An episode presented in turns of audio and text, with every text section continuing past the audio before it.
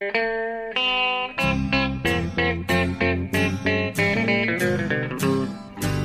out there, we're on the air. It's hockey night tonight. Tension grows, the whistle blows, and the puck goes down the ice. The goalie jumps and the players bump, and the fans all go insane. Someone roars, Bobby scores at the good old hockey game. Oh, the good old hockey game is the best game you can name. And the best game you can name is... Hallå, hallå, hallå, hallå, hallå, hallå, hallå, hallå, hallå, hallå. Yes, hallå och välkomna till NHL-podcasten med eh, Jonathan Onskan Bambi Bamse Ekeliv. Som ni hörde där i sitt eh, sedvanliga hallå. Eh, I Örby utanför Stockholm är han. Och så jag då, Per Bjurman i lockdown i New York City. Ja, precis. Sedan, eh, ja, jaha, det är ju sen vi sågs, eh, när vi spelade in den sista podden tillsammans, 7 mars. Ja, just det. Eh, då var det Rangers Devils sen på Garden. Just det, det var samma dag. Mm. Ja, sen dess har inte jag träffat en människa jag känner. Nej, just det, det är så pass alltså. Ja. Ja, det var ju samma vecka sen som det stängde ner alltihopa. Ja, alltså, alltså, jag kommer ihåg redan då när vi var på Garden då. För det hade ju börjat liksom pratas mer och mer om det här. Det var lite oro i luften redan då. Ja, Och jag kommer när jag kom till eh, Garden efter vi hade spelat in den här podden. Och stod i hissen, trångt och jävligt. Då eh, plingade det till i folks telefoner och då hade guvernör Como utlyst eh, State of Emergency här. Oj. Och folk bara ropade "Ah, It's time to go home, I don't want to be here anymore. Ja, det var så pass. Ja. Ja. ja, så den kvällen gick inte jag med ut. Jag gick ju hem och, och, och sen... eh, Ja. Sen har jag suttit här på mitt stora arsle och gjort ingenting. Nej, precis. Ja. ja, det är exakt. Och jag kommer ihåg förra veckan så omnämnde jag det som att det kändes som att det var i höstas. Men det är som du säger, det var ju, det var ju början av mars. Nå. En bit in i mars till och med. Och ja, nu är det vardag det här med att man sitter eh, hemma, isolerad i princip. Ja. Det är, man har anpassat sig på något vis. Även om Ja, det inte är så kul. Nej, det är konstigt. Man kommer in i någon slags lunk för man har inget eh, alternativ riktigt. Eh, och, eh, jag till och med eh, liksom, hitta lite sätt att sätta guldkant på saker och ting på. I lördags var det liksom fest till exempel. Eh, Ja. Till och med klädde upp mig. Jag hade på mig lite lukta gott. Hade du luktat Men gott på det hemma i lägenheten? Ja, för mig själv. Jaha. Eh, fixa till saker och ting och sen öppna eh, vinare och så var det fest på Zoom i flera timmar med kompisar här i stan. Jaha, oj oj oj. Så, det, så han blir riktigt lullig faktiskt. Innan. Jaså du? Ja, sen, sen var det nära hem som de säger. Ja, det är ju praktiskt i alla fall. Nej, det var inget, det behövde inte... Det kan ju vara ett problem på småtimmarna, men det var, Ja. det var inga problem. Det var ju praktiskt. Ja. Jag kanske ska göra som en av kompisarna där, Ash som han heter. Han, ja, det är min bästa vän här i Han har jag träffat Finans, Ja, finansjournalist. Han, eh, han eh, sitter också då isolerad, men han har köpt sig en cykel. Jaså? Alltså en sån här cykel man cyklar på hemma? En sån... Nej, En riktig cykel? En, en riktig cykel. Eh, och fått levererad och har vissa kvällar tagit sig ut och cyklar omkring själv på Manhattan. På det öde Manhattan. Ja, just det. Ja, det är ju praktiskt. Det är, nu är Ja, det ingen trängsel men där. det är, liksom. men det är också eerie. Han är, det är ju som att vara ute och cykla i, i I am Legend-filmen. Ja, det är sant. Oj, oj, ja. Jättekonstig känsla. Inte en människa, inte en bil, ingenting. Nej. Nej, precis. Det är ju väldigt konstigt. Det är otroligt konstigt. Men en häftig bild som jag såg nyligen här på New York, det är ju liksom att nu är det ju all smog är borta. Ja, ja det är lika i, i Los Angeles var det ännu mer tydligt. Där har de ju, det ligger ju alltid ett lock av smog på. Ja, det är helt försvunnet nu. Det är inga bilar i princip som kör runt det. Nej. Hens oljepriskrasch idag. Det finns Ja, ingen det. efterfrågan på, på, på, på bränsle. Det har störtdykt. Ja. Ja, i Texas kostar en, är nere i ett fat för några cent. Det är inte klokt. Nej, det är, det är en ny verklighet. Ja. Och hockey får vi inte se någon. Vi har ju, eh, det är 20 april. Vi ska vara mitt uppe i upplösningen av eh, första omgången. Åtminstone i vissa serier. Ja, precis. Det beror ju på lite hur, hur långt, de har gång, eh, långt de är gångna. Men nej, vi, nog skulle vi vara inne i en Game 6, Game 7 eh, vid den här tiden ungefär. De ska börja nionde. Det, ja, jo, det börjar dra ihop sig. Ja, precis. Och så eh, första rundan dessutom när det kan vara 3, 4, 5 Game 7 inom loppet Ja. av 2-3 dagar alltså. Ja, man kan inte tänka på det. Man blir bara deprimerad av vad man har blivit berövad här. Ja. ja, det är tråkigt. Men jag måste ändå säga att den här podden tycker jag känns lite spännande. För dels ska vi djupdyka lite grann återigen i, i ditt slutspel. Där jag är med på ett litet hörn också. Vårat fiktiva, parallella, Ja, alternativa slutspel. Ja. Eh, och dels så tycker jag ändå att det hänt lite liksom NHL-relaterade nyheter på sista tiden med lite värvningar och lite, ja men lite kontroversiella händelser. Som jag tycker vi kan sätta tänderna i. Ja, ja men det finns ju en del att prata om. Ja.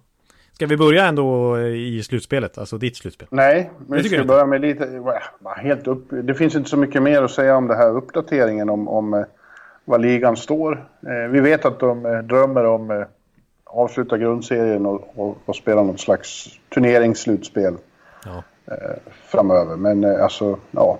Alltså både borgmästaren här i New York och borgmästaren i Los Angeles sa ju i slutet av förra veckan att ingen ska räkna med live-idrott inför publik eh, under resten av året. Det skjuts fram hela tiden. Just pratade vi om eh, Thanksgiving. Nu är det 2021. Ja, det är, precis. Det är ju inte, det är inte så att beskeden blir mer och mer positiva direkt, utan det de blir mer och mer realistiska snarare kanske. Ja, mer, mer nedslående. Men, ja. men äh, i, i ljusa stunder så försöker jag hålla hopp öppet om att äh, Ja, vaccin kommer inget, det får ju dröja. Men eh, behandling som, som eh, blir en game changer. Eh, som gör att det finns medicin mot det här. Och gör det lättare att hantera. Det, det tror jag på då vänder allt. Och så ja, men det var ju trevligt. Det var ju kanonnyheter. Det här är ju en världsnyhet du kommer med. Det var ingen nyhet. Nej. ja, men en positiv förhoppning i alla fall. Ja, det är bra. Ja. Man måste hålla sig i något. Ja, det förstår jag. Ja, men, och som du säger, alltså, även om det ter sig osannolikt så håller ju NHL på att planera lite grann för ett slutspel i sommar. De vill ju fullfölja den här säsongen och eh, Pierre LeBrun kom med en siffra om vad det handlar om i, i pengar, ekonomisk, rent businessmässigt, en siffra på vad det handlar om för NHL om de skulle kunna spela ett slutspel i sommar, även utan publik, alltså vad det innebär i tv-intäkter och sponsoravtal, som skulle, vad det skulle generera intäktsmässigt. Och det, han pratar någonstans om 400 till 500 miljoner dollar i, i intäkter på ett eh, publiklöst slutspel i sommar. Så det är väl därför ja. de fortfarande hoppas på det NHL och planerar för det, för att det är så pass mycket pengar det handlar om. Ja, jag förstår det. Det är eh, mycket pengar och ändå i, i, i skenet av allt annat så är det ganska... Det är inte så stort ändå. Nej, och jag, jag, jag tyckte det var lite intressant att höra på Taylor Hall när han snackade i en intervju. Jag tror det var med The Athletic, också med LeBrun faktiskt här i häromveckan. Eh, apropå det, liksom, han fick frågor om, ja, det måste ju vara negativt för dig, du som är free agent här nu eh, efter säsongen och ska skriva ditt karriärs stora kontrakt och så kommer den här coronakrisen och det ekonomiska läget blir totalt instabilt och lönetaket kanske sänks eller sådär. Och han snackar om, ja, vem bryr sig om det liksom? Ja. Det är ju, det är ju ingenting varför skulle jag fokusera på det nu? Det, det finns betydligt större problem i världen. Så att han hade i alla fall lite perspektiv på det. Ja. Ja, men vi har som sagt ett slutspel som pågår i alla fall i ett parallellt universum fritt från eh, pandemier. Ja, ja som ju pågår i bloggen då eh, med ojämna mellanrum. Vi har haft, eh, vi har kört både första omgången i östra konferensen körde jag själv och så fick jag hjälp av dig med en serie nu då i västra konferensen här nyligen. Just det. Mm. Där vi, ja, först i östra då så vart det ju så att de lag vi har till nästa omgång, den pågår för fullt nu utan att vi vet om det. Nej, det gör det. Mm. Uh, Boston, Toronto och uh, Washington, Philadelphia. Just det, precis. Men så spelade vi alltså västra då och, och jag, ja det blev oväntade resultat en hel del. Ja, det måste man säga. Ja. St. Louis, Nashville till exempel, det vart ju eh, faktiskt 5-1, 4-1 till Nashville. Ja, precis. 4-1 i matcher. Det är ju en, det är ju en skräll alltså. Blues, regerande mästarna. Ja. Ta bara en seger i det här slutspelet. Ja, nej, men det, det vart, det vart ett sånt här eh, fenomenet att eh, Nashville, att Blues har varit klara, klara så länge. Mm. Så de hade svårt att på en gång ställa om till slutspelsmode. Mm. Medan Nashville blev klara precis i slutet. Och eh, kom in med fruktansvärd energi och plötsligt eh, fungerade allt som inte har fungerat under säsongen. Nej, just det, exakt. För rent på pappret så är ju de här lagen likvärdiga, måste man ändå säga. Det är ju ingen skräll egentligen att Nashville slår ut Blues om man tittar så, tycker jag. Men, men sett till hur det har sett ut den här säsongen så är det ju det. Men det, det är som du är inne på, alltså Nashville, det var ju så samma sak 2017 när de gick till final. De var ju sista lagen i slutspel också. Ja. Så att det där ja, det är ju en faktor. Ja. Mm. Och som jag brukar tjata ja. om, som var, eh, Tampa inte var ensam om i fjolårets slutspel. Samtliga divisionsvinnare slogs ut av wildcard-lagen. Just det. Ja, riktigt så har vi inte haft den här gången. Men eh, Jofa-kedjan har kommit igång här med, med Forsberg och Arvidsson och Johansson. De är kanon. Och Pekarinne har blivit superbra. Ja, jag såg det. Han var, verkar ha varit otroligt eh, vass alltså. Ja. Eh, medan ja, Blues och Berube var, från den här swagen de hade i fjol, så ganska snabbt så blev det, de torskade första matchen där och efter det så var det lite oro liksom. Du såg det i blicken på, på presskonferensen på Berube där att... Ja, han kände att något inte var som det skulle hela tiden. Och när jag snackade med Oskar Sundqvist efter Game 2, när de hade vunnit Blues, då, då sa han att nej, det är mycket att jobba på ändå. Mm, ja, precis. Så, ja, jag, hörde, jag såg dessutom att, att du hade hört upp på pressläktaren att Jakob Delaros hade skrikit din jävel till eh, Mattias Ekholm. ja, ja de, de hamnade i slagsmål där, oväntat. Men eh, ja, det, var, det är ju hett i slutspelet. Ja, just det. Det är i och för sig en läxing och en morait, så varför inte? Ja, det också. Just det. Mm. Ja, så, ja, men så blev det, det var ju lördagskvällar på Broadway och så. Det, vi får fortsätta gå på eh, Martins Barbecue eh, senare under slutspelet också. Jag misstänker Bra. att det hade en liten, liten inverkan på resultatet i den här matchserien. Eh, Martins Barbecue. Ja. Nej, det här var helt, eh, det var helt uh, öppet. Okay, ja. Helt förutsättningslöst. Okej, okay, ja, ja. Sen har vi då uh, Vegas Golden Knights mot Winnipeg Jets vart det. Mm. Och det vart ju en sweep. Vegas fruktansvärt bra. Enligt min eh, teori här då så de avslutar grundserien otroligt bra. Ja, precis. Eh, de tappar bara några få poäng. De hade ju momentum när de, innan avbrottet också, så de, de ja, var, ju, ja. de var ju på gång. Ja, det var det, det, var det jag kände. Mm. Eh, och eh, ja, eh, Winnipeg som var vingliga, de har inte en chans i den här serien. Nej, nej, det verkar så om man ser till resultaten. 5-2, 6-1, 4-0 och 3-1. Ja. Och, och, då är Robin Lehner i kalasform också. Han är i rena Samsonov-formen. Ja, precis. Samsonov verkar ju vara första rundans keeper borta i Washington. Men, men Lehner är inte långt ifrån alltså. Vinner samtliga fyra matcher och har konkurrerat ut uppenbarligen Fleury här i slutet av säsongen. ja, absolut. Ja. Ja. Nej, och jag noterar här en annan sak som, som jag inte My tror... goodness, my goodness, säger Emrik hela tiden om hur bra Vegas är. Ja, han verkar vara lyrisk i NBC-sändningen där. ja. Jag noterar en sak att, äh, återigen Winnipeg alltså, det, trots den feta whiteouten de har på hemmaplan i slutspelet, det är ju en otrolig kuliss där liksom, mm. när det spelar slutspelshockey i Winnipeg. Men nej, de, de kan ju inte vinna där alltså. De torskade ju båda matcherna i fjol också när de Eh, eller tre av tre matcher ja. mot St. Louis faktiskt ja. i första rundan i fjol. Så att jag räknar ut här med dina, de här två matcherna alltså i 0-4-sweepen här så Eh, de har torskat nio av de senaste elva matcherna hemma i MTS Center. Har, du räknat in mina fiktiva matcher? Ja, de är med också. Ja, här slutar det med att i mitten av tredje har tre fjärdedelar av publiken gått hem. Är det så pass? Oj, oj, oj. I fjärde matchen. Ja, men det förstår man ju. De är ju chanslösa. Ja. ja. Det var ingen snack om saker. Vega känns som en riktig contender. Ja, det gör det. Ja, sen var det en serie då som jag fick skäll för. Den vi fick klart mest skäll för i den här omgången, hur det kunde bli ett sånt resultat. Men det berodde på att jag hade en gästreferent då i form av dig. Ja, jag upptäckte att det var inte alls populärt att eh, Colorado blev utslaget. Nej, Colorado är utslaget med 4-2 av Dallas. Mm. Hur förklarar du det här egentligen?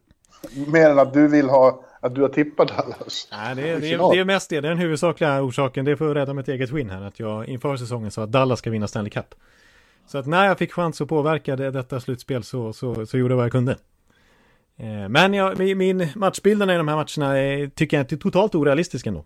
Eh, jag anser att Dallas, och det var det jag motiverade inför säsongen, att, att deras spel, deras trupp är mer anpassat för slutspel än för grundserien. Och det märks i den här, eh, i den här serien. Det, det såg vi i fjol också när de var på vippen från att slå ut mästarna St. Louis i andra rundan. Det var ju double overtime i Game 7 innan de åkte ut innan mm. Pat Maroon avgjorde den serien. Eh, men här så blir det, ja de börjar ju direkt med att ta kommando till match 1. Även om Colorado börjar inledningsvis med sin superfart och McKinnon stormar fram och McCarr från backposition och så här. Så nej, de får inte utdelning. Bishop stänger igen totalt. Och så styr Pavelski då, som har varit en bust den här säsongen. Han på gammalt patenterat manér så styr han in eh, ledningspucken. Och det är liksom definierar hela matchserien på något vis sen. Alltså att Dallas är jobbiga och tråkiga att möta. Och de är effektiva, de gör mål på sina chanser, de är tunga. Och eh, ja. nej, det klarar inte Colorado av att bemästra, utan det blir 4-2 match. Och Jarko är i, i extas för att eh, Heiskanen är så bra. Jag ja, precis. Eh, ja, du får blocka han från bloggen, Jarko, alltså vår finländske vän här i, i podden och bloggen. Eh, för att han, han, är, han börjar skriva på finska och sånt där i bloggen och det blir, det är en natt så är det ju 216 inlägg och så, så det blir för mycket. Det går ju inte att hantera. Det blir ju liksom, han förstör ju för alla andra. Det är ju, dock är det väl skönt för honom för att han håller ju egentligen på Winnipeg och de blir ju sweepade liksom. Så ja, det, då han, han går ju över och börjar hålla, hålla på Dallas istället. Ja, Men det är, jag, kan, jag kan upplysa om att du får inte ta någon Dallas-serie i fortsättning. Nej, jag förstod det. Jag tyckte jag med läsa det någonstans på Twitter eller skrivit till någon annan att nu är jag block. Jag är Jarko blockad från bloggen och jag är blockad från Dallas. Ja. ja, vi får se om du får, vad du får för serie. Du kan få enstaka matcher här och där tror jag. Ja. För nu har jag, tror jag, vet, jag vet hur det är slutspelet ja, Okej, okay, du börjar se framför. Du, okej, okay, jag förstår. Mm. Mm.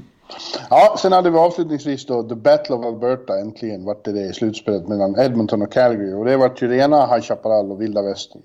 Ja, jag skulle nog vilja utnämna det till den bästa serien i det här slutspelet faktiskt. Ja, den mest ja. spektakulära. Det är Pittsburgh, Philadelphia var ju väldigt bra också, men den här är nog snäppet värre. Ja, ja, ja. När man vet att, att eh, Klevbom slåss med Rasmus Andersson redan i första matchen. Och Milan Lucic ska upp på läktaren och göra upp för att någon har kastat en korv. Ja, det, det, det är ju... Det är ju, det är ju slutspelets grej hittills alltså. När det kommer en korv flygande in på isen. Mot, ja den där landar väl i princip på Milan Lucic. Så han ska upp och klättra upp på läktaren och, och, och, och ja. få den där supporten att veta hut. Ja, han fick den på sig. Det var eh, senare på ketchup på, på kinden fick han. ja, precis. Nej, det är klart att han reagerar. Men eh, sen tycker jag nästan att, att det är... Eh, ja, i match två var det ja. ännu värre. Det var ju slagsmål mellan uh, uh, Kitchak och Cassian. Ja. Inte helt oväntat. Nej, för femte gången med... den här säsongen kan man säga. Om man ja, det slutade med att Cassian fick av uh, Kitchaks tröja och stampa på den med skridskorna. Stampa på klubbmärket. Ja. ja, det är ju... Det är ju... Men det här har inte tagit ur luften, Jonathan. Det mm. hände tydligen någon gång på 80-talet eller 70-talet när de möttes. Att det vart så. Någon det kom in, men jag tror det var så att någon kastade in en tröja. Och motståndarspelaren åkte fram och trampade på den. Ja. Ja, jag, jag, jag kan ju bara se framför mig liksom att det här, den stillbilden konkurrerar med, med Bobby Orrs avgörande 1970 om den mest ikoniska Stanley Cup-bilden någonsin. Cashen står och ja. stampar på klubbloggan till Matthew Kachuk. Liksom. Ju... Ja, senare i serien så slår han ju dessutom eh, Kachuk i nacken med baseball. Eh, Ja, det är ju, ja, det är ju, det är ju det. han är ju är galen. Gary Bettman blir ursinnig och säger live att, att han har spelat färdigt för säsongen. Det blir inte ens någon process. Han stänger av honom. Ja, Bettman Bettman går in och stänger av honom helt enkelt. Ja, ja. ja okej, okay, jag förstår. Ja, nej, men... Ja, det, är, det är spännande också, uh, ser jag. Calgary får stryk första två matcherna, men vinner sen tre raka. Ja. Uh, och har avgörandet i händerna på, i Game 6 på hemmaplan. Mm. Och de är så nära. Ja, det är ju, det är ju eh. slutsekunder alltså. Ja, de leder med 4-3 när det är mindre än 25 sekunder kvar. Mm. Uh, och Dreisaitl lyckas kvittera med en briljant styrning då. Och sen mm. börjar förlängningen med att han, Andrew, Ma, vad, vad säger man? Mangiapane. Mangiapane. Han, han kommer i friläge, han fintar bort Koskinen som har ersatt uh, Smith. Smith. Mm. Ja, han har öppet mål men skjuter utanför. Och i kontringen som följer så lyckas Adam Larsson plötsligt stå fri framför Rittich och fösa in avgörande 5-4 puck.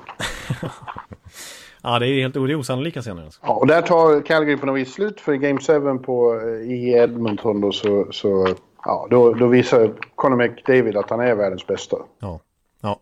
ja det, det verkar inte varit någon snack om saken där. Det blir 5-1 till Edmonton. Ja, och han gör fyra mål och spelar fram till det femte. Ja ja, det är ju, då är det ju, då leder han ju Conn Smythe-racet här efter de första åtta serierna. Får man ja, nästan säga. Ja, han gör väl det. Ja, ja.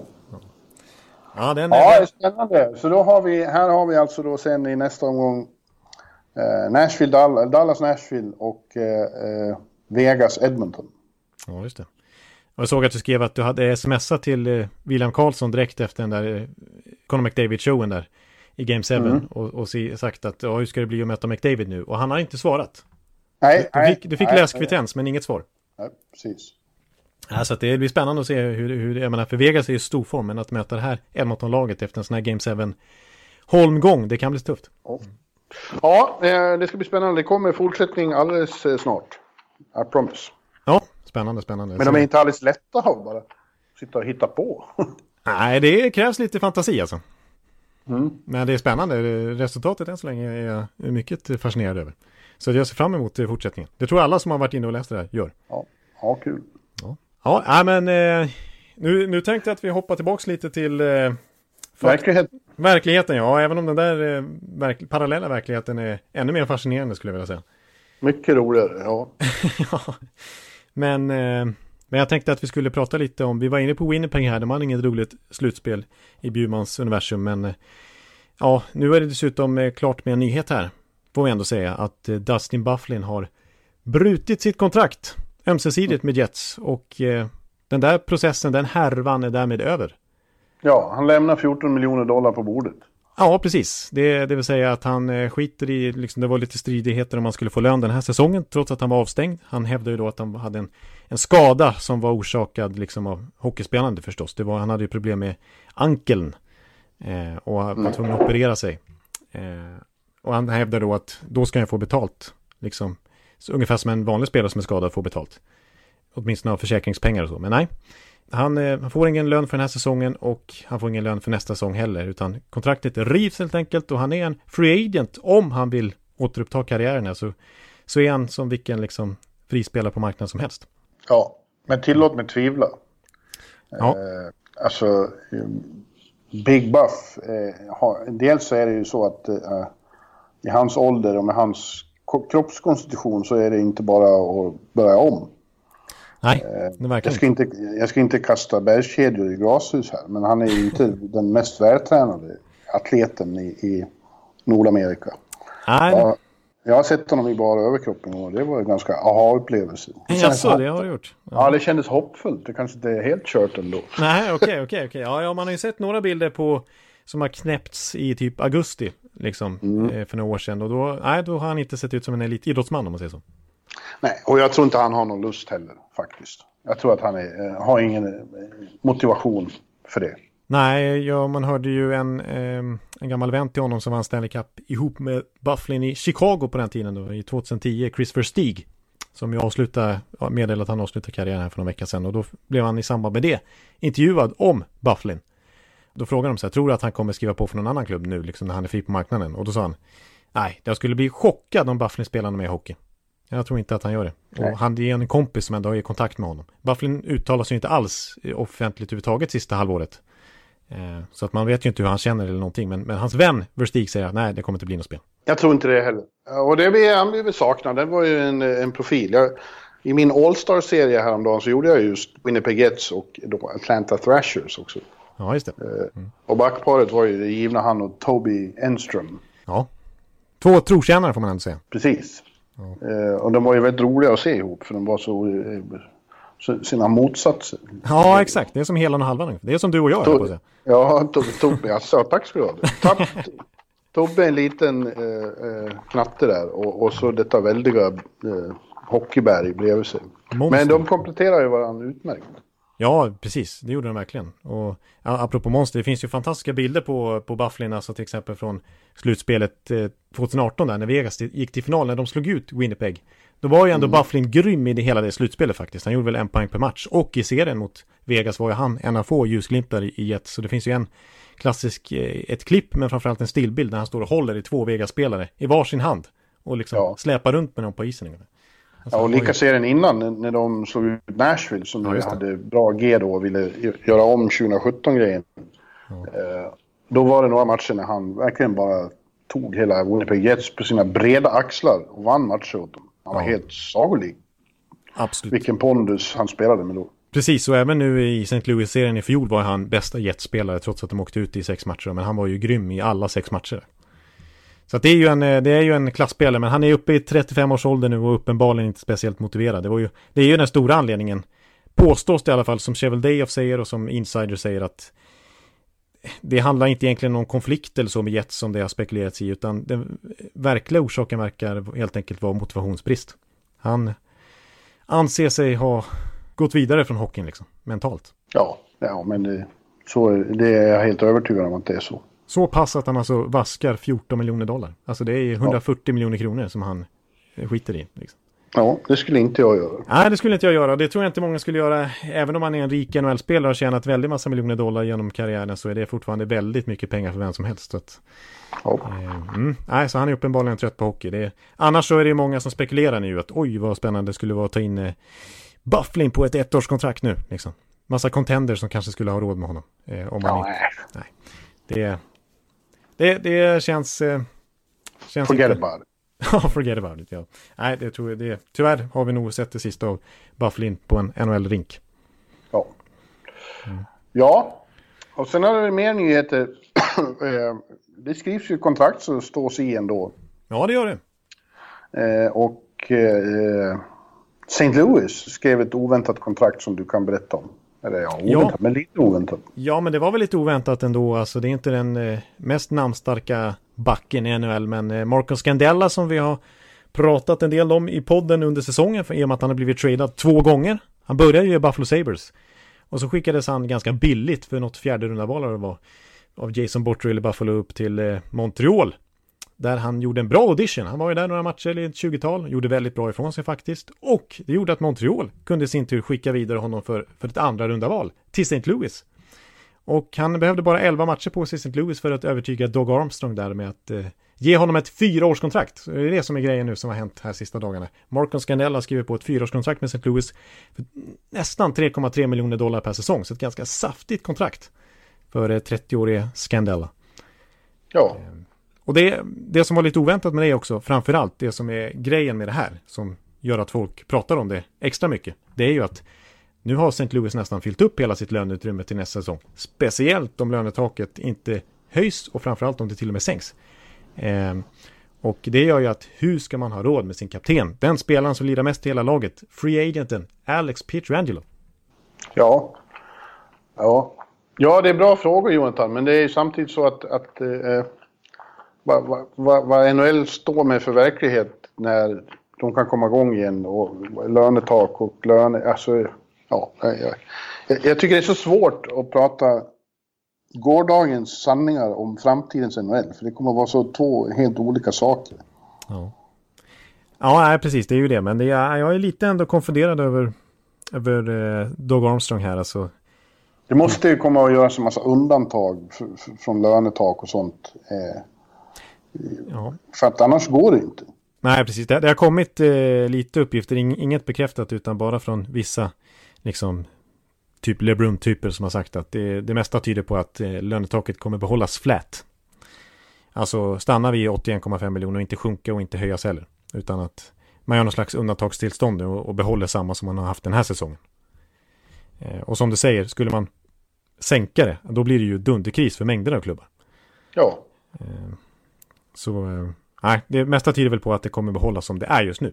Men eh, om vi säger i det läget och kopplar det till den här situationen så tycker jag fortfarande att det är väldigt anmärkningsvärt att man, man skriver det här kontraktet samtidigt som många påpekar att Scandella är ju leftare medan St. Louis är fyllt av rightare så att skulle Alex Pietrangelo lämna så har man ju, då kan man befordra Colton Pareko till första back. Jag menar, han skulle kunna vara första back i flera NHL-klubbar. Han är så pass bra och han är så pass ung och utvecklingsbar fortfarande. De men, ju... men finns det inte också, eh, tror du, att klubbarna börjar räkna med att de kommer att få gör, kunna göra flera eh, buyouts. Ja, precis. Det är ju, vi pratade om det för några veckor sedan, compliance buyouts och vilka som skulle kunna vara kandidater för det.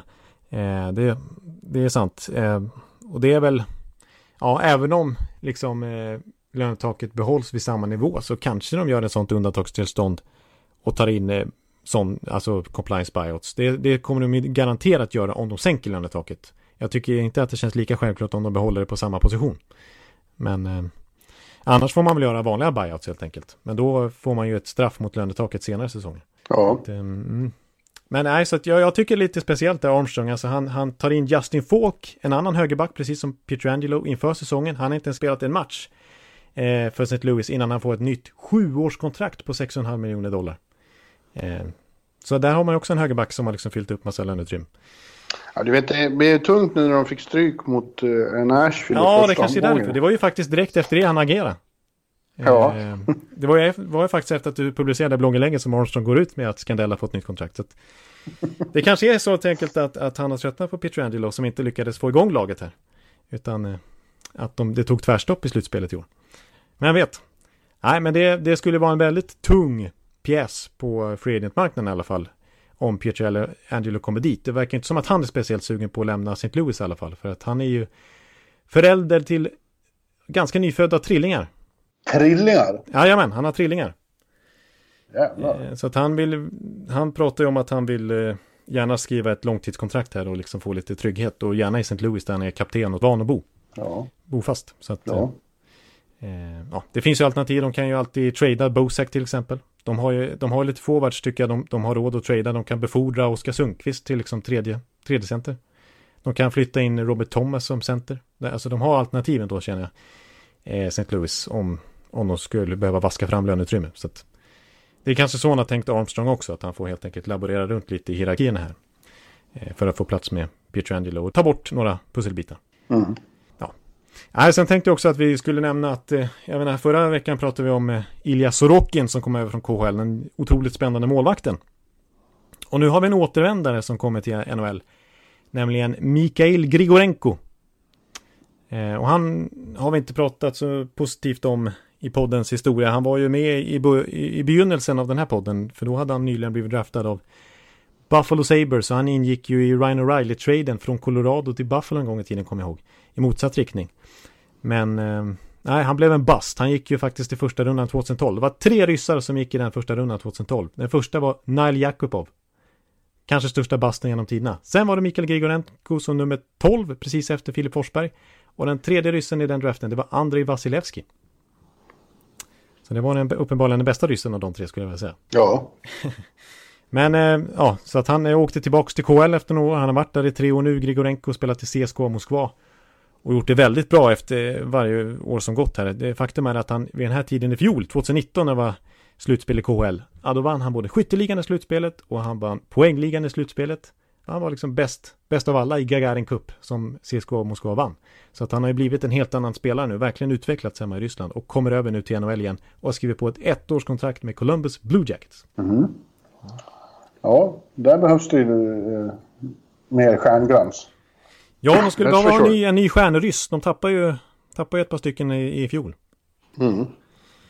Så eh, ja, då Tortorella får ta sig an Grigorenko. Men eh, ja, det blir spännande att se om han, om han verkligen är en annan spelare den här gången. För att han var inte... Ja, och ännu mer spännande när vi får se det.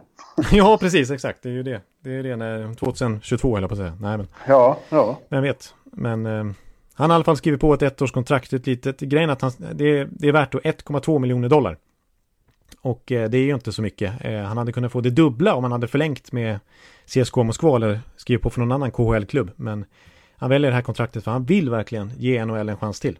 Han tycker att han har det i sig och det har han ju visat hemma i Ryssland där han varit dominant. Så att det ska bli intressant att se, som sagt, när vi väl får göra det, den nya Mikael Grigorenko. Ja. I, eh, ja, det ser vi fram emot. När du och jag återigen sitter i Nationwide Arena någon gång. Ja, det är precis. Det har jag gjort en gång och det, det var, jag har ju kallat Columbus för den mest generiska amerikanska stad jag har varit i. Ja, men, eh, men du har inte sett hela stan ska vi understryka. Nej. Det finns trevligare områden än de vi såg. Ja, okej. Okay. Så att ja, det finns väl anledningar för mig att åka dit igen. Kanske. Ja. Eh. Det var kallt som fan när vi var där också. Ja, det blåste och var... Nej, det var ingen höjdare måste jag säga. Normally, being a little extra might be a bit much, but not when it comes to healthcare. That's why United Healthcare's Health Protector Guard fixed indemnity insurance plans, underwritten by Golden Rule Insurance Company, supplement your primary plan so you manage out of pocket costs. Learn more at uh1.com. Ja, men um, ska vi uh, helt enkelt komma in då på uh, vårt All-Star-lag för den här veckan? Ja, på samma premisser som de tog ut Team Europe i, i World Cup 2016 har vi tagit ut ett lag med resten då. Det är lite taskigt mot Slovakien som ju har ändå nästan som man får ihop eh, fyra, tre backpar och fyra femmor, men inte riktigt. Som, eh, eh så så det blir de och Schweiz och Österrike och ja, alla andra. Ja, faktum är att slovakiska laget framåt sett, offensivt sett framförallt, var så pass bra så att jag har faktiskt tagit ut fyra slovakiska kedjor och fyra stycken övriga Europakedjor. Men på backsidan och målvaktssidan har jag hela Europa. Men alltså jag, ja, det blev så mycket ja. slovak, ja det blev så mycket slovaker annars i, i uh, det blev nio av tolv blev slovaker annars. Okej, okay. ja det håller inte jag riktigt med om, men, men okej. Okay. Okej, okay, ja. ja. vi får väl höra sen när, när vi kommer dit. Till mm. forwards, men vi börjar ju längst bak. Ja. Uh, och vi, vi, vi, som sagt, det här laget tar vi ut nu uh, Alltså innan, för nästa vecka kommer den stora grejen alltså. I nästa vecka ja. är det dags för Sverige. Ja. Så vi laddar upp med det här inför dess. Eh, ja, men vi börjar längst bak. Där har jag plockat upp tre, tre keeprar då. Och eh, som första keeper har jag sagt, satt en tysk. En eh, Vesna Trophy-vinnare. Olaf Kölsig. Mm. Eh, jag drar namnen först då. På, på, Ja, ja, som backup till honom har jag satt eh, en lättländare med fantastiska benskydd. Arturs Irbe. Ja, visst. Irby, Irby som Arturs. Irby, ja precis. Och som tredje keeper så ja, fanns det väldigt många alternativ som jag tyckte var likvärdiga. Men jag tog en eh, aktiv målvakt faktiskt. Från Danmark, Fredrik Andersen. Jaha, ja. Mm. Eh, där ser man. Ja, jag Vänta, hade... Vänta, jag måste kolla här. Ja. ja, du, du har ju Halak till exempel. Ja, ja precis, precis. Eh, Jonas Hiller var ju väldigt bra när, några få år när han var på topp. Eh, Cristobal Huet tycker jag är nämnvärd, fransmannen. Vi har ju Greis i dagens NHL. Vi har eh, Grobauer i dagens NHL. Eh, om man vill vara en riktig hipster kan man ju nämna Elvis Merzlikins. Du och ditt hipster. Ja. Nej, men jag tycker det är Andersen faktiskt. Ja, men vänta, det känns som det är någon du har glömt. Men man måste ju titta på så många länder här på en gång. Ja, ja precis. Det är det som är det svåra. Du, vet, du får sortera på väldigt många länder. Ja, men dansken får med alltså. Ja, jag tar med dansken. Han har ju faktiskt ett NHL-rekord. Det kanske man inte tror, men det är ganska imponerande ändå får, måste jag säga med tanke på hur många målvakter i NHLs 100-åriga historia han konkurrerade med om det här rekordet. Han var den första, eller så här, han var den snabbaste genom tiderna att nå 50 segrar i NHL. Han behövde bara 68 matcher på sig. Cristobal Huet då? Ja, men han har jag nämnt. Han har nämnt. Han, är, han tyckte jag var Jonas bra. Hiller? Ja, jo, alltså Hiller tyckte jag är lite underskattad med tanke på att hans karriär störtdök på slutet och att han var nästan oönskad. Men eh, han hade ju några väldigt fina år i Anaheim. Han hade någon säsong tror jag när han stod 70 matcher och sånt. Ja, och Reto Berra? Ja, men det räcker inte för att konkurrera med. Nej, det håller jag med om. eh, ja, men eh, Andersen, det är lite häftigt tycker jag. Alltså, det är alla de här tre keeprarna jag har tagit ut tycker jag har ganska häftiga backstories liksom. Eh, Andersen, det är inte de bästa förutsättningarna att bli NHL-keeper när man dels liksom kommer från den danska hockeyn och dels när man som han hade ett rykte om sig att vara överviktig och lat faktiskt. Han vägde ju så här 100, upp mot 115-120 kilo ett tag. Eh, det, var ju, och, ja, det var ju först eh, när han kom till Frölunda, när de chansade på honom. Det var också, det var bara det när han kom till Frölunda så var det en skräll. Att, vad, vad ska de värva honom för? Men det fanns ju en råtalang där och det upptäckte Frölunda. Där han satte ju SHL-rekord och grejer. Mest nollor tror jag. Och var jättebra där. Sen kom han till Anaheim då och till slut till Toronto. Och nu är han ju verkligen ett träningsfreak. Alltså, det har jag berättat någon gång tidigare i podden. Men han, han gick ju alltså frivilligt med på att gå med och göra den här Hell Week som det kallas. Som Navy Seal gör. Alltså riktig så här militärövning som är hemsk. Alltså det går ut på att man under fem dagar så ska man träna 20 timmar om dagen. Så man sover nästan ingenting. Man bara tränar och tränar och tränar. Och det innefattar bland annat att man har sprungit på de här fem dagarna 32 mil. Utöver att alla andra tunga träningsövningar man har gjort. Så det är verkligen Hell Week. Och det lyckades han genomföra. Så att nu är han rena, han är fortfarande tung och stor liksom. Men han är otroligt vältränad. Och eh, Ja, har ett helt annat kynne nu. Nu har han verkligen blivit mega professionell. ja. ja. ja. Det har varit en hyllning till Fredrik Andersen. Det hade man inte Nej, räknat det med. hade du inte räknat med. Nej, precis. Nej, det är kanske mer relevant att, att prata om de här två keeprarna jag valt. För visst måste man säga att Kölsig och Irbe är, är givna. Irby. Ja, Kölsig, absolut. ja. Kölsig som, som jag sagt, han har faktiskt vunnit Vesina han, eh, eh, 99-00 tror jag det var, precis vid millennieskiftet där. Han, han stod ju en väldig massa år i Washington. Ja. Född i Johannesburg, Sydafrika faktiskt. Han är- lite bortglömd tyvärr. För att eh, ja, Washingtons historia har liksom blivit eh, så väldigt mycket Ovechkin-eran. Ja, det är sant. Mm. Och, eh, men han var ju en av de mest framstående på sin tid. Precis, exakt. Så att, jag tror hans tröjnummer är det ingen som, det är inte, officiellt pensionerat tror jag, men det är ingen som har fått använda det sedan han hade det. 37. Så att han är ändå en, en legend i klubben, onekligen. Ja. Men om nu inte Samsonov fortsätter som han har börjat Ja, här slutspelet. Ja, det är väl han som riskerar att, att knäppa eh, Kölsik som bäst i Washingtons historia. Om inte Holtby redan har gjort det, det är svårt att säga. Ja. Ja, nej, men eh, det, Kölsik är, är, är given etta för mig. Sen eh, Irbe då så kan man säga egentligen hur mycket som helst om. Jag nämnde ju hans benskydd. Eh, man, man, eh, när man tänker på honom så tänker man ju bara på de här jättefula vita skydden som är späckade med svarta puckmärken. Mm. Han kallades ju Michelin-mannen, för han såg ut så. Så han hade en gammal, han hade ju alltså under hela karriär, karriären en sån här gammal Jofa-hjälm från 80-talet. Just det. Det hade han som keeper och så vanligt galler liksom. Han ser en fågelholk liksom på huvudet. Ja. Jag såg honom i San Jose en gång, 95. Ja, ja just det. I Shark Tank. Eh, Jag och min kompis Jonas Berggren som var ute på resa då. Eh, Och då kom jag just ihåg det där. De älskade honom där. Då var det Irby, Irby. Ja. Hela matchen igen. ja. Vet, vet du varför han fick lämna San Jose då? Nej, det vet jag inte. Ja, det, var del, det var dels för att han inte var så bra längre så att han, han fick helt enkelt inte vara kvar. Men det berodde på att han hade blivit biten av sin hund i, i plockhandeln.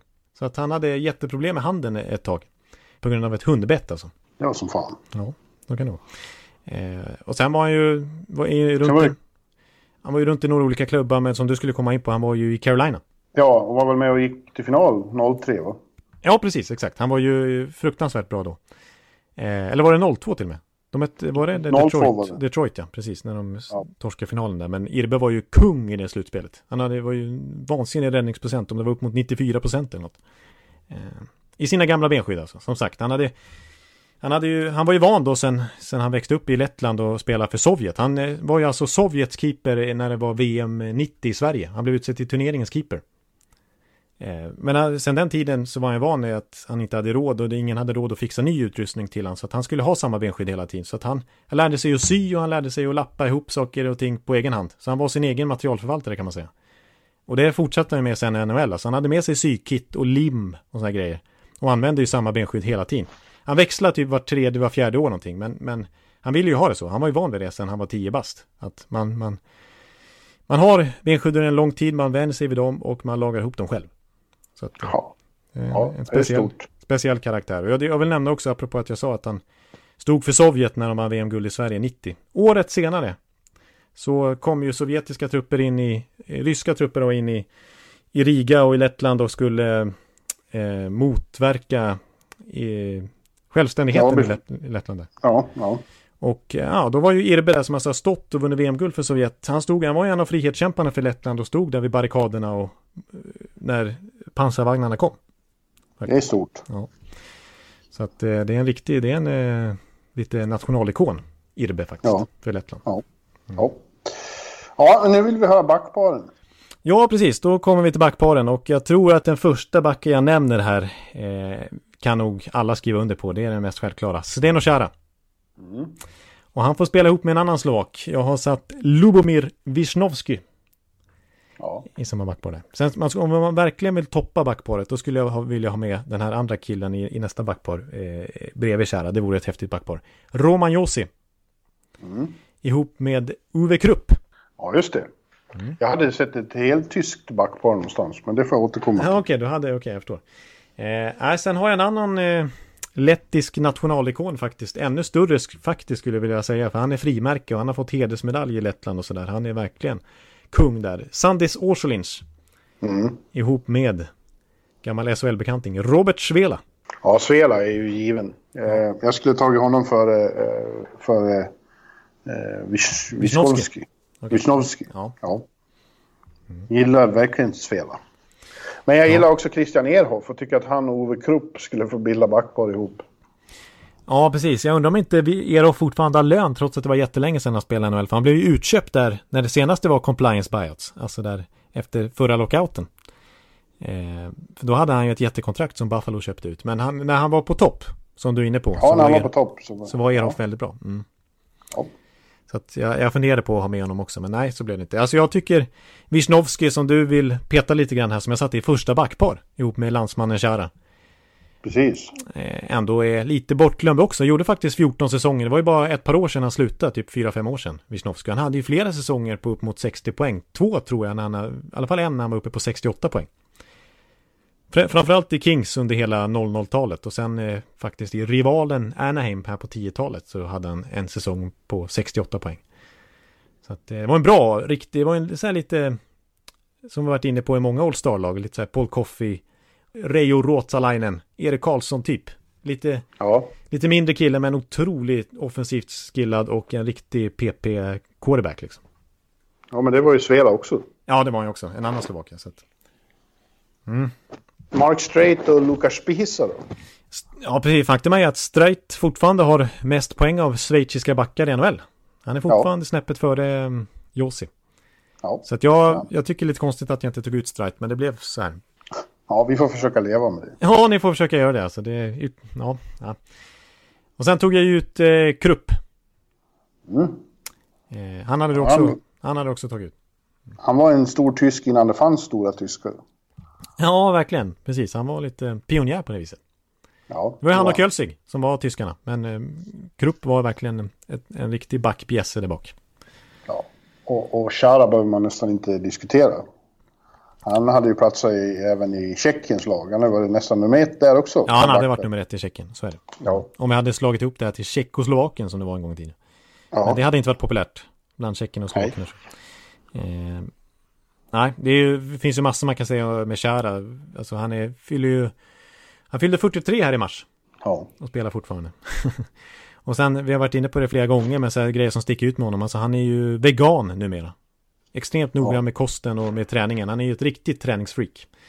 Eh, och sen sån här grej som att, jag tror att det här är lite överdrivet, men det påstås ju att han är, talar flytande åtta olika språk, varav svenska är ett. Ja, och det pratar han inte så flytande. Jag, Nej. ska få be. jag har ju pratat svenska med honom och det var han väldigt... eh, Ja, han, det sa han att han förstod men ville inte prata själv. Nej, precis, exakt. Det var ju när han var i Färjestad under lockouten där som han ska ha snappat upp svenska, men ja, det är kanske lite överdrivet. Men han kan ändå förstå lite grann, uppenbarligen. Nej, han är, han är en begåvning. Han har dessutom mäklarlicens. Han är pluggat vid sidan om hockeykarriären. Ja. Så att det är ju en, ett fenomen, Zdeno Chara. Yes, och han har alltså många landsmän med sig i kedjorna. Ja, det kanske var lite fegt där med. Det hade varit coolare att sätta ihop ett rent Team Europe här. Men så separerar jag alltså med fyra slovakiska kedjor och fyra liksom övriga Europakedjor. Ja, det, var, det blir ju så otroligt mycket folk, så vad håller du på med? Ja, nu är det, ja precis. Nu kan man ju ifrågasätta här. Vad, vad håller jag på med här i Örby? Vad är det här för skit? Men eh, jag drar väl kedjorna så, så tror jag att du, om jag, om jag läser de här slovakiska kedjorna så tror jag att du förstår lite grann hur svårpetade flera av de här namnen är. Ja, men du kommer att dra ett namn direkt som är fel. Ja, kom igen. Oj, det var hårt. Det var hårt. Okej, eh, ja då är det kanske det namnet du menar då. Peter Stasny. Nej, det är korrekt. Nej, precis. Ja, jag tänkte väl.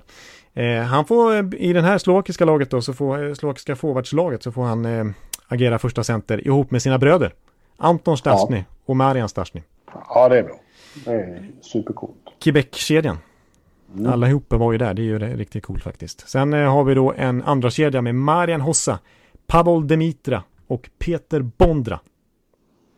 Ja, det är Det är bra. onekligen stora hockeyspelare allihop. Absolut, och jag skulle vilja säga detsamma om den här tredje kedjan som är på samma nivå, enligt mig. Siggy Palfi, Josef Stimpel och Miroslav Chatan. Ja, Och så har vi då en fjärde kedja med eh, Tomasz Tatar, Michal Hanchus och Ladislav Nudge, ska det uttala sig, eller Nagy. okej. Ja, jag var orolig att du tagit ut Stan Mikita, för han tas ju upp som Ah, okej. eh, slovak. På, men han eh, var ju kanadensare sen. Ja. Han är född i, i Slovakien, Ja, men eh, räknas inte så. Ja, bra att du inte gjorde det misstaget. nej det var okej, det var ju bra. Nej. Eh, men jag trodde att du eventuellt skulle eh, liksom säga någonting om Stasny, för vi, han är ju slovak och han avslutade liksom i slovakiska Ja, landslagsmatcher. nej, de är absolut riktiga slovaker. Precis, är, de, de deserterar ju från eh, Tjeckoslovakien då på 70-talet och, och eh, då kunde han inte komma tillbaka sen på 80-talet och spela landskamper för Tjeckoslovakien utan då var det ju faktiskt så att Peter Stas- Stasny spelade Canada Cup för Kanada. ja. ja, men det, vi, vi, vi räknar inte sådana Nej, nej, han avslutade sen på 90-talet med kuriositeter. Nej, precis, landskamper för Slovak, riktiga, liksom, hans Slovakien. då. Eh, och som vi sa där, alltså, det är coolt med bröderna, så allihopa var ju alltså i Quebec och öste in poäng. Ja. Framförallt Peter Stasny, alltså, han gjorde, hade alltså sex poäng, eh, sex poäng, det är inte så mycket. Han hade sex säsonger med över 100 poäng. 100 säsonger med 6 poäng. Ja, det, det hade i och för sig varit coolt, det är kontinuitet. Ja. Nej, men, eh, men eh, även Anton Stasny och Marian Stasny hade ju säsonger med över en poäng per match. Så att det var ju en supertrio det. ja. Sen har vi då andra kedjan. Eh, Man måste ändå kommentera vissa namn. Marian Horsa till exempel. En stor favorit. Ja, verkligen. Men vänta nu, vänta nu. Kom inte Gaborik med någonstans? Jag har ju glömt Gaborik. Jag har ju glömt Gaborik. Shit. Marian Gaborik? Ja, det är ju vad- precis. Det var ju för att jag höll på. Nej, nu trasslar jag in mig helt alltså. Det är precis. Ja, då petar jag nog na- Nudge. Ja. Eh, så får Gaborik, eh, det är, han ska ju nästan vara bättre än, än fjärde kedjan liksom. Men han får hamna i fjärde kedjan då. Han passar inte så bra i fjärde kedjan. Nej, Nej verkligen men... inte. Men det gör nästan ingen av de här, alltså liksom av, av wingers i alla fall. Jag kan inte peta ner Chatan i fjärde kedjan. Liksom, eller? Jo, det kan du. Gabrick var bättre än Chatan. Ja, det var han faktiskt. Gabrick var bättre än Chatan, det håller jag med om. Mm. Eh, däremot eh, Palfi som jag har i tredje kedjan. Jag skulle vilja hävda att, hävda att han är kanske, kanske att han är ändå den bästa Slovaken efter Stasny, Peter Stasny. Alltså att han är, han är bättre än Hossat, han är bättre än Bondra, bättre än Dimitra, bättre än Gabrick. Eh, han har ju faktiskt näst bäst poängsnitt. Men han hade ganska mycket skador under karriären. Fick ju sluta mitt under brinnande säsong 2006 när han ett tag eh, formerade en kedja med Crosby och Lemieux i Pittsburgh. Fick han lägga av mitt i säsongen. Men hans poängsnitt eh, i karriären är ju näst bäst efter Peter Stasnys. Och så är det ett väldigt coolt namn också. Det heter Siggy. Ja, Siggy Palfi. Mm. Eh, jag tycker också att Peter Bondra liksom, ligger bra i munnen. Ja. Miroslav Chatan sticker ut också. Ja, verkligen. Ja. Eh, på ett obehagligt ja, sätt. Ja, det, det, är faktiskt lite obehagligt. Det, det, Chatan betyder inte det vi tror att det gör på slovakiska. Eh, för den som undrar. Paul Demitra var en, var en favorit för mig också som är andra center i det här laget nu. Jag förknippar honom väldigt mycket med St. Louis. Ja, jag med. För han var där när jag var och hälsade på den där omtalade gången med, med Rickard Persson. Då var han stora stjärnan ja, Just det, den, den får nästan återkomma till i varje sån här All Star-avsnitt eftersom att det är någon stor stjärna som var med på, på den, på den uh, turen. Ja, men uh, ja, det, ja, det var ju backar som var framförallt stjärnor. Det var ju McKinnis och, och, och Pronger. Mark Bergevin. Ja, ja, på sitt lilla sätt. Men framåt så var Dimitra den som, jag kommer ihåg eh, Quenville som var coach där då, han, han eh, höll på mycket med Dimitra. Det var mycket eh, extra jobb med honom på träningarna och så, för han var så viktig. Ja, okay. ja, ja. ja, så gick han ju eh, tragiskt bort då i, i flygolyckan med, i Ryssland med, med, med Stefan Liv och hela Exakt, Jaroslav. Han, han ingick ju i Jaroslav-laget på slutet. Det var ju oerhört tragiskt. Ja, väldigt. Eh, ja, men det är ett otroligt lag i alla fall där. Eh, ja. Måste man säga. Så att eh, du förstår liksom eh, att det, att det, jag menar Ladislav Nudge, det är ju, som jag petar nu, alltså det, han gjorde ändå en 70, 75, 80 poäng ett par säsonger. Eh, när han var som bäst. Så att det, det, det finns alternativ. Mm. Eh, Men nu vill vi höra de övriga kedjorna du har satt ihop. Jag kan inte vänta. Nej, precis. Nu kommer det övriga Europalaget här. Eh, då har vi en första kedja där det pratas tyska. Eh, liksom eh, överlag här. Mm. Och det blir eh, Thomas Vanek, Leon Dreisaitl och Marco Sturm.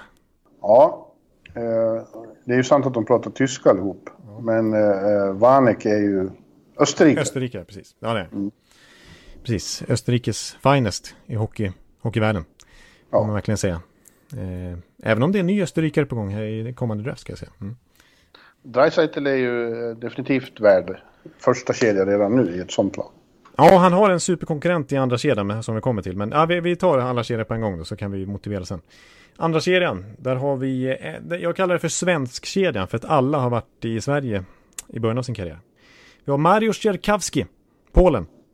Just det. Anche Kopitar, Slovenien. Och vi har Mats Zuccarello, Norge. Ja, det är en fin kedja. Ja. Precis, exakt. Så att, eh, ja, motiverar eh, snabbt senare. Sen har vi en ukrainsk-litauisk tredje kedja. och där har vi då Dmitri Kristic, en väldigt bortglömd spelare. Sen har vi, ja, verkligen. Sen har vi Dainius Subrus. Man kan uh, ifrågasätta om han verkligen är värd tredje centerplats, men jag får motivera sen. Och sen har vi min favorit då. Ruslan Fedotenko. Ja, det förstår jag. Mm, mm. Mannen som avgjorde finalen 2004. För Tampa Bay Lightning, precis. Med mm. båda målen i den, eh, i den Game 7-matchen faktiskt. Eh, sen har vi då en fjärde kedja där det pratas danska och eh, österrikisk-tyska. Eh, eh, med Nikolaj Ehlers blev, eh, blev danska wingen jag tog i konkurrens med några andra. Sen blev det Frans Nielsen före Lars Elle. Och så blev det Mikael Grabner. Ja, just det. eller Michael Grabner, som vi är vana att säga, till höger. Mm. Så där har vi, har vi laget.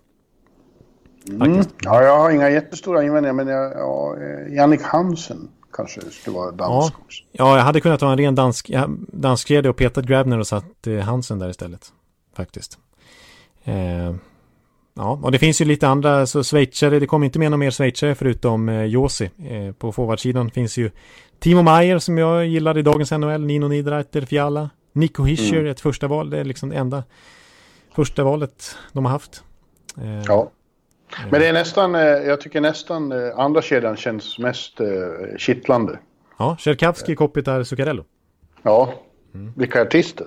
Ja, vilka artister. Vilken kedja det skulle varit alltså, verkligen. Vet, vet du förresten vad Tjerkavski gör idag? Nej, det vet jag inte. Nej, det kan inte jag. Han är hemma i Polen igen. Han är inte ihop med Isabella Skorupko längre, det visste vi.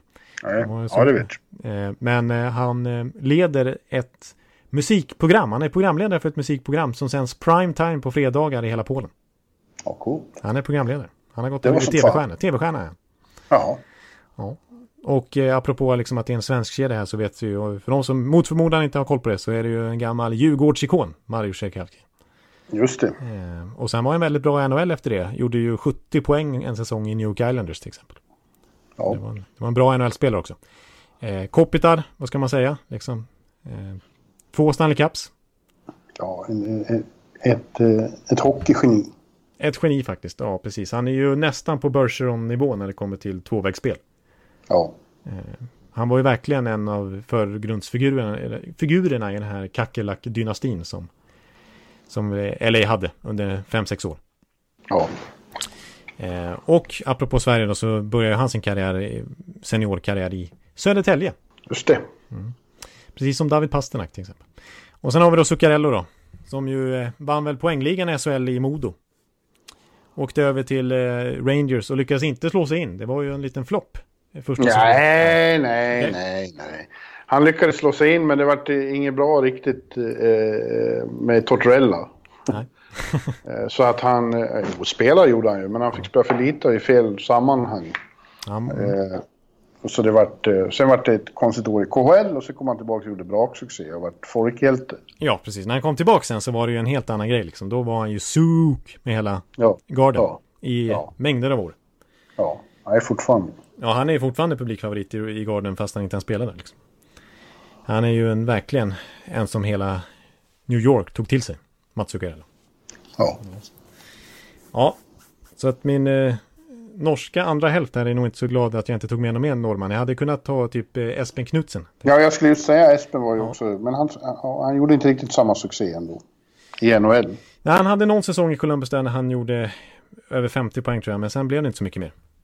Liksom. Utan det är framförallt i, hemma, ja, i Djurgården för, för hans del också som han gjorde stort avtryck. Liksom, och ja. ikon. Ja. Nej, eh, jag kom på en grej, onödig grej jag tänkte, typiskt mig bara en sån typisk här kontraktsmiljoner hit och dit grej jag tänkte säga om Vanek. Att, ja, äh, men som är lite definierande i Buffalo Sabres historia på något vis, och, eh, eller moderna historia och, eh, och det var lite spektakulärt just då att han skrev ju under ett offer sheet, det största offer sheets i NHLs historia, när han kritade på för Edmonton Oilers som restricted free agent 2007 typ. Eh, ja, 50 miljoner dollar. Sjuårskontrakt eh, skrev han på. Eh, och Buffalo var tvungna att matcha det här för de hade tappat både Danny Briere och jag tror de hade tappat Chris Drew eller vilka det nu var. Så att de var, nej, och Edmonton försökte utnyttja den situationen och kliva in med ett offer sheet, men nej, då fick Buffalo matcha det. Och sen dess så har vi inte känt igen Buffalo riktigt. Eh, nej. De har inte varit eh, ett storlag sen dess egentligen. Utan nu har det varit misär istället.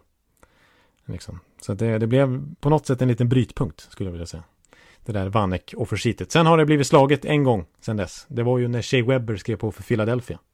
Just det. Monsterkontraktet som Nashville var tvungna att gå på knäna för att eh, matcha. Som var så, här, så framtungt så han tjänar ju enorma pengar med enorma såna här klumpsummor, eh, signingbonusar i början av kontraktet. Som Nashville inte hade råd med egentligen.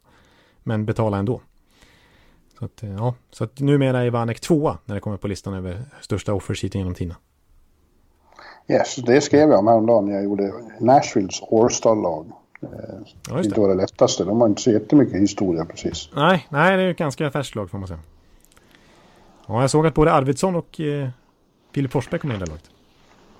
Ja, det var väl det. det var... Eh, nej, jag tyckte inte de andra var så kul. Nej, nej. Nej, jag förstår. Jag gör som jag vill.